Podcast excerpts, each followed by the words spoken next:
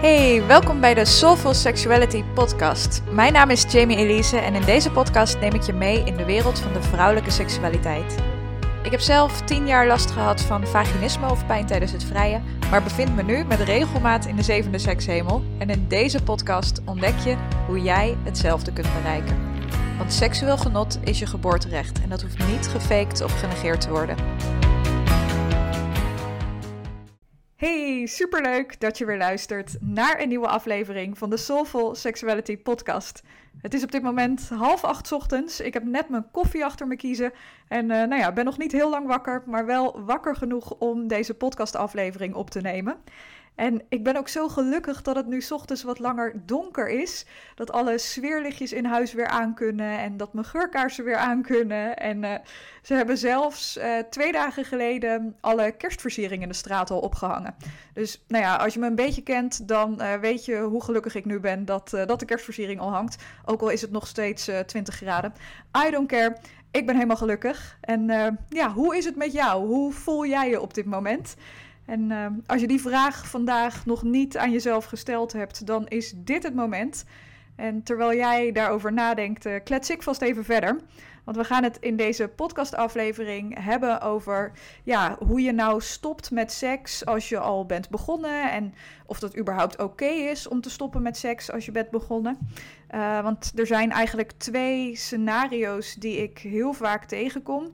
Uh, de allereerste is dat vrouwen zich afvragen uh, of het oké is om te stoppen als ze al met iemand in bed zijn beland of als ze iemand al mee naar huis hebben genomen. En um, ergens weten ze natuurlijk ook echt wel dat het ja, oké is om, om dan te stoppen. Maar het blijft desondanks ontzettend moeilijk. Uh, wat ik vaak hoor is dat er op dat moment toch ook schuldgevoelens bij komen kijken. Van oh ja, shit, ik heb op dit moment wel al deze verwachting geschept. En nu moet ik zeggen dat ik toch niet verder wil. Uh, shit, hoe, uh, hoe doe ik dat precies?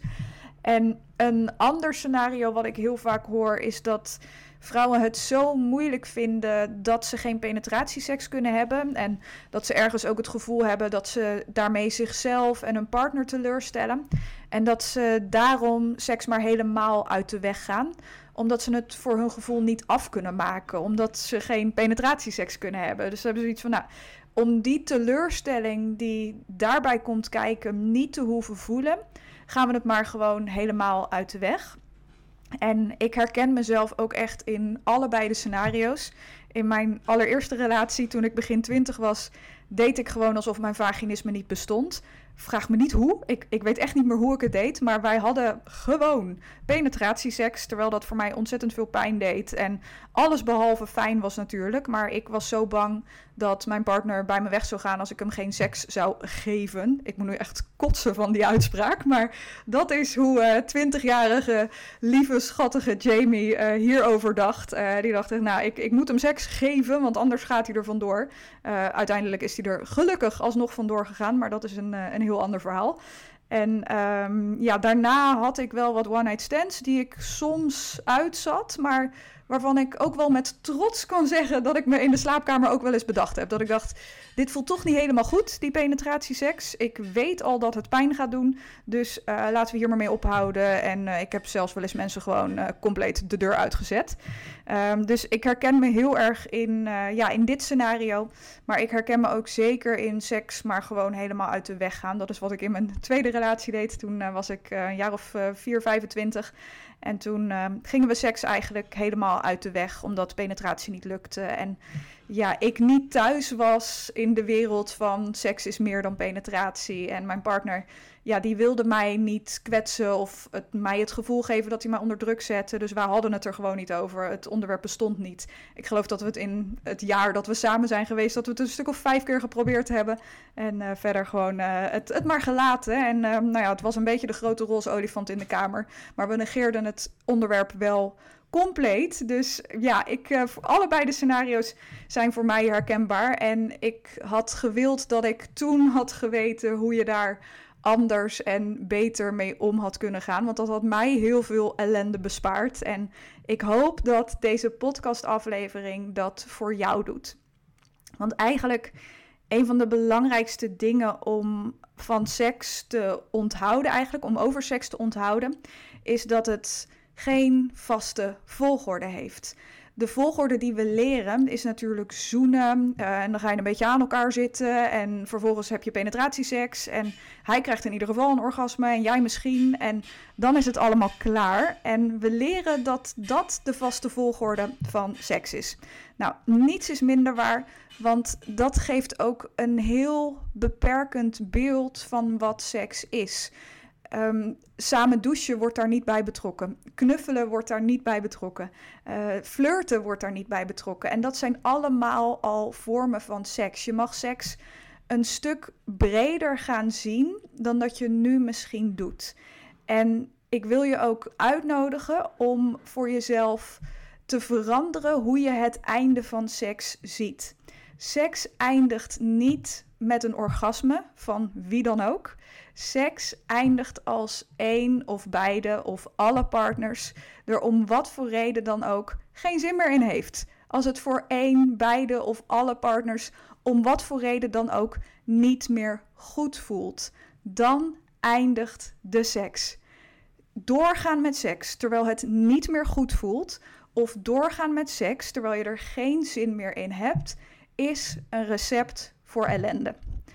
Nou, ik kan me voorstellen dat je nu denkt: ja, allemaal leuk en aardig, Jamie, maar dat neemt niet weg dat het alsnog ongelooflijk oncomfortabel is om met seks te beginnen en dan toch te bedenken van: oh nee, shit, ik wil dit toch niet.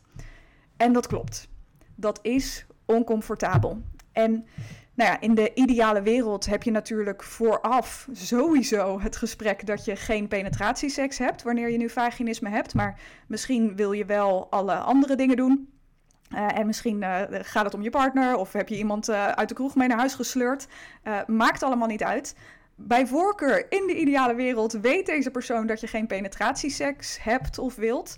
Um, maar het kan natuurlijk ook gebeuren dat je in eerste instantie denkt dat je wel seks met iemand wilt, maar dat je vervolgens bezig bent en dan denkt: oh shit, dit gaat me toch iets te snel, het voelt toch niet helemaal goed, ik wil dit eigenlijk niet meer. En dan is het aan jou om de oncomfortabele woorden uit te spreken dat je het niet meer wilt. Sorry, ik dacht dat ik dit wilde, maar het voelt toch niet helemaal goed. En de reden dat dat zo oncomfortabel is, is omdat we chronisch moeite hebben met dealen met oncomfortabele gevoelens. We vinden het heel moeilijk om om te gaan met oncomfortabele gevoelens van de ander, met eventuele teleurstelling van de ander. En we vinden het ook heel moeilijk om onszelf oncomfortabel te voelen. En wat je jezelf echt mag beloven, is dat je de gevoelens van de ander nooit, nooit, nooit meer belangrijker maakt dan jouw gevoel van veiligheid in je eigen lichaam. Als jij doorgaat met seks terwijl het niet meer goed voelt, dan verbreek je de verbinding met jezelf. Dan verbreek je de verbinding met je eigen lichaam. Dat is de enige manier waarop je door kan gaan met seks terwijl je dat eigenlijk niet meer wilt, terwijl dat eigenlijk niet meer goed voelt dit is de reden dat ik voor mijzelf van alle keren seks die ik heb gehad met mijn eerste partner, dat ik me er niet één echt kan herinneren. Zo ongelooflijk dissocieerde ik tijdens de seks. Om het maar te kunnen verdragen, om het uit te kunnen zitten. Ik was er niet bij. Ik was niet in mijn lichaam. Ik genoot er natuurlijk helemaal niet van. En ik had echt gewild dat ik toen had geweten hoe erg ik mezelf in de steek liet voor zijn genot, voor zijn gevoelens van comfort. Uh, maar ook zeker voor mijn eigen gevoelens van comfort. Ik deed het ook echt zodat ik me niet oncomfortabel hoefde te voelen bij het feit dat hij misschien bij me weg zou gaan als, als we geen seks konden hebben. Of uh, dat ik me oncomfortabel moest voelen uh, als ik stop zei of als ik zei dat ik het toch niet wilde. Het is aan allebei de kanten oncomfortabel. Je moet dealen met de oncomfortabele gevoelens van de ander. Uh, en je moet dealen met je eigen oncomfortabele gevoelens. Maar ik hoop dat je ziet dat dat nog altijd veel beter is dan jezelf in de steek laten.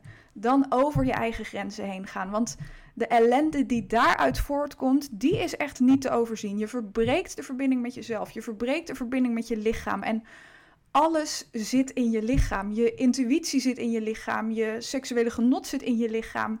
Uh, je, je, je gevoelens zitten in je lichaam.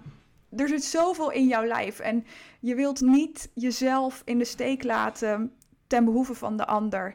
En ik geloof ook echt dat een van de belangrijkste skills die we onszelf aan kunnen leren, is leren zitten met oncomfortabele gevoelens. We gaan niet alleen op seksueel gebied, maar op allerlei andere gebieden zoveel uit de weg. We doen zoveel dingen niet die we eigenlijk wel zouden willen. Uh, en we doen zoveel dingen wel die eigenlijk niet zo handig zijn. Om maar te voorkomen dat we ons oncomfortabel voelen. En uiteindelijk is het bijna altijd het geval dat de ellende die daaruit voortkomt veel groter is dan de beloning die je krijgt als je gewoon even diep in en uitademt en met die oncomfortabele gevoelens zit. Stop met het verbreken van de verbinding met je lichaam.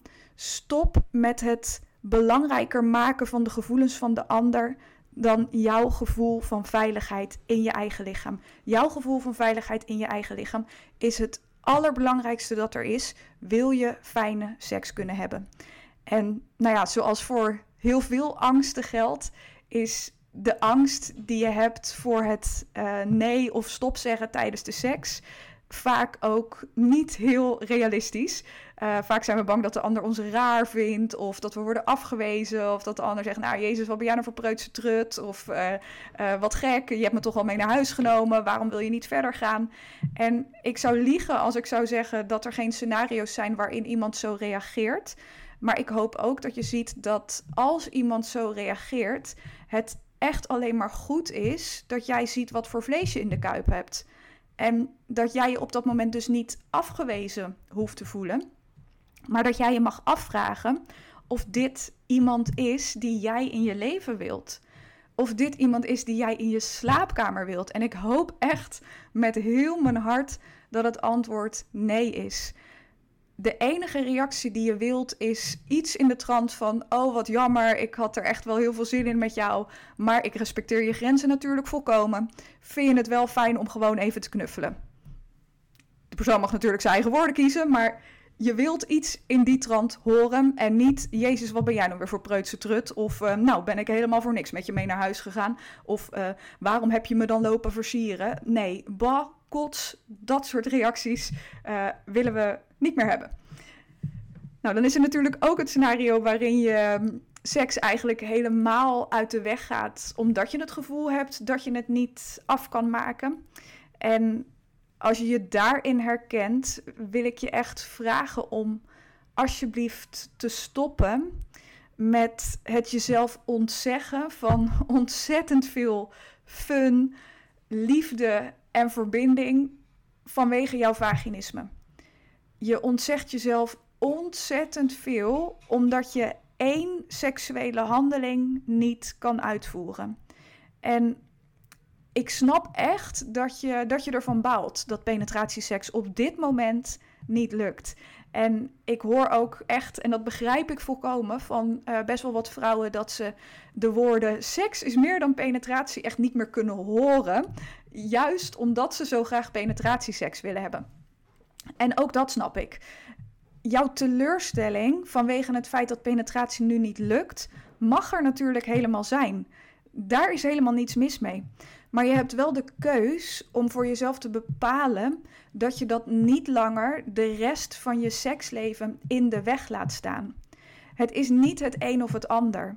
Het is eigenlijk een vorm van acceptatie om tegen jezelf te zeggen van oké, ik baal hier ontzettend van, maar op dit moment kan ik geen penetratieseks hebben. Daar kan ik van alles van vinden, daar baal ik ontzettend van. Het is wat het is. Maar ik heb wel de keus om ervoor te kiezen dat het niet de rest van mijn seksleven in de weg staat. Ik ga er niet voor zorgen dat het feit dat die ene seksuele handeling uh, niet lukt. Ik ga er niet voor zorgen dat dat nu de reden is dat ik helemaal geen seksleven heb. Ik ga er juist voor zorgen dat dat anders is. Ik ga ervoor zorgen dat mijn seksleven zo fijn en leuk en fantastisch mogelijk wordt. Ook met mijn vaginisme. Ondanks dat ik er nu zo van baal dat penetratie niet lukt. Het kan naast elkaar bestaan. Je hoeft niet compleet happy te zijn met je vaginisme om jouw seksleven zo leuk mogelijk te maken met jouw vaginisme. Je mag ervan balen dat penetratie nu niet lukt. Dat mag absoluut. Dat snap ik helemaal. Dat uh, geloof me, na tien jaar vaginisme snap ik dat echt. Um, maar wat ik zelf ook nog veel vervelender vind, is dat ik uh, tien jaar lang vaginisme mijn complete seksleven in de weg heb laten staan. Ik baal niet van het feit dat er tien jaar lang geen piemel in me kon. Ik baal er echt van wat voor invloed ik dat liet hebben op de rest van mijn seksleven.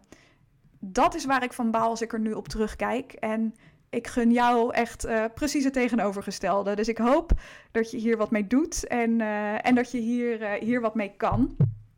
En ja, dat je, dat je ook echt ziet dat het oké is om teleurgesteld te zijn. En dat het ook echt oké is als de ander teleurgesteld is. We, het is oké om dat soort gevoelens te ervaren. Die zijn niet goed, die zijn niet slecht. Het zijn puur gevoelens die ons niet kunnen opeten, vergiftigen of uh, doodmaken. Uh, je kan teleurstelling ervaren, je kan oncomfortabele gevoelens ervaren. Uh, maar het is aan jou in hoeverre je ja, dat je leven laat bepalen eigenlijk.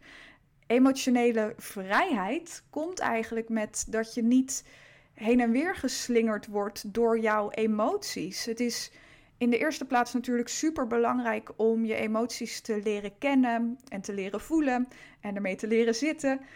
Um, maar daarna wordt het ook super belangrijk dat je jouw leven niet meer laat bepalen door jouw emoties. Dat je niet dingen uit de weg gaat omdat je bang bent teleurgesteld te raken. Of dat je niet dingen maar niet zegt of doet omdat je bang bent dat het jou of een ander oncomfortabel maakt.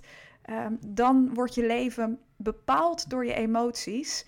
En dat is niet wat je wilt. Je wilt niet dat je emoties uh, aan het stuur van jouw leven zitten. Je wilt, je wilt zelf dat stuur in handen hebben en je wilt zelf bepalen wat wel en niet goed voor je is. En ergens diep van binnen weet je dat vaak ook wel. En het is echt een kwestie van diep in en uitademen en het uh, ondanks de oncomfortabele gevoelens toch doen. Goed, ik zei het net natuurlijk al. Um, ik snap helemaal dat uh, het vervelend en frustrerend en al die dingen is dat penetratie op dit moment niet lukt. En ik wil ook echt dat je weet dat het natuurlijk niet voor altijd zo hoeft te blijven. Het idee dat vaginisme iets is waar je maar mee moet leren leven en dat het ontzettend moeilijk te behandelen is, hoort echt thuis in 1980. En um, ja, omdat ik weet dat die informatie nog overal op het internet rondzwerft, uh, geef ik één keer in de maand een gratis online masterclass waarin ik je precies vertel wat vaginisme is en ook wat de drie stappen zijn om hier voor eens en altijd vanaf te komen. En deelname aan deze masterclass is helemaal gratis en anoniem. Makkelijker kan ik het echt niet voor je maken. En je kunt je hiervoor inschrijven via de link in de show notes. Um, en via de link in de show notes vind je ook een uh, linkje naar mijn Instagram, healingpainful.sex. En ik vind het altijd super leuk om daar van je te horen. Om te horen of je iets aan de podcast hebt gehad. Uh, als je vragen hebt of als je um, een idee hebt voor een, uh, voor een nieuwe podcastaflevering. Als je onderwerpen hebt die je graag terug wil horen. Ik vind het altijd leuk om daar van je te horen. Goed, ik hoop dat dit waardevol voor je was. Heel graag tot de volgende aflevering. En voor nu een hele fijne ochtend, middag of avond.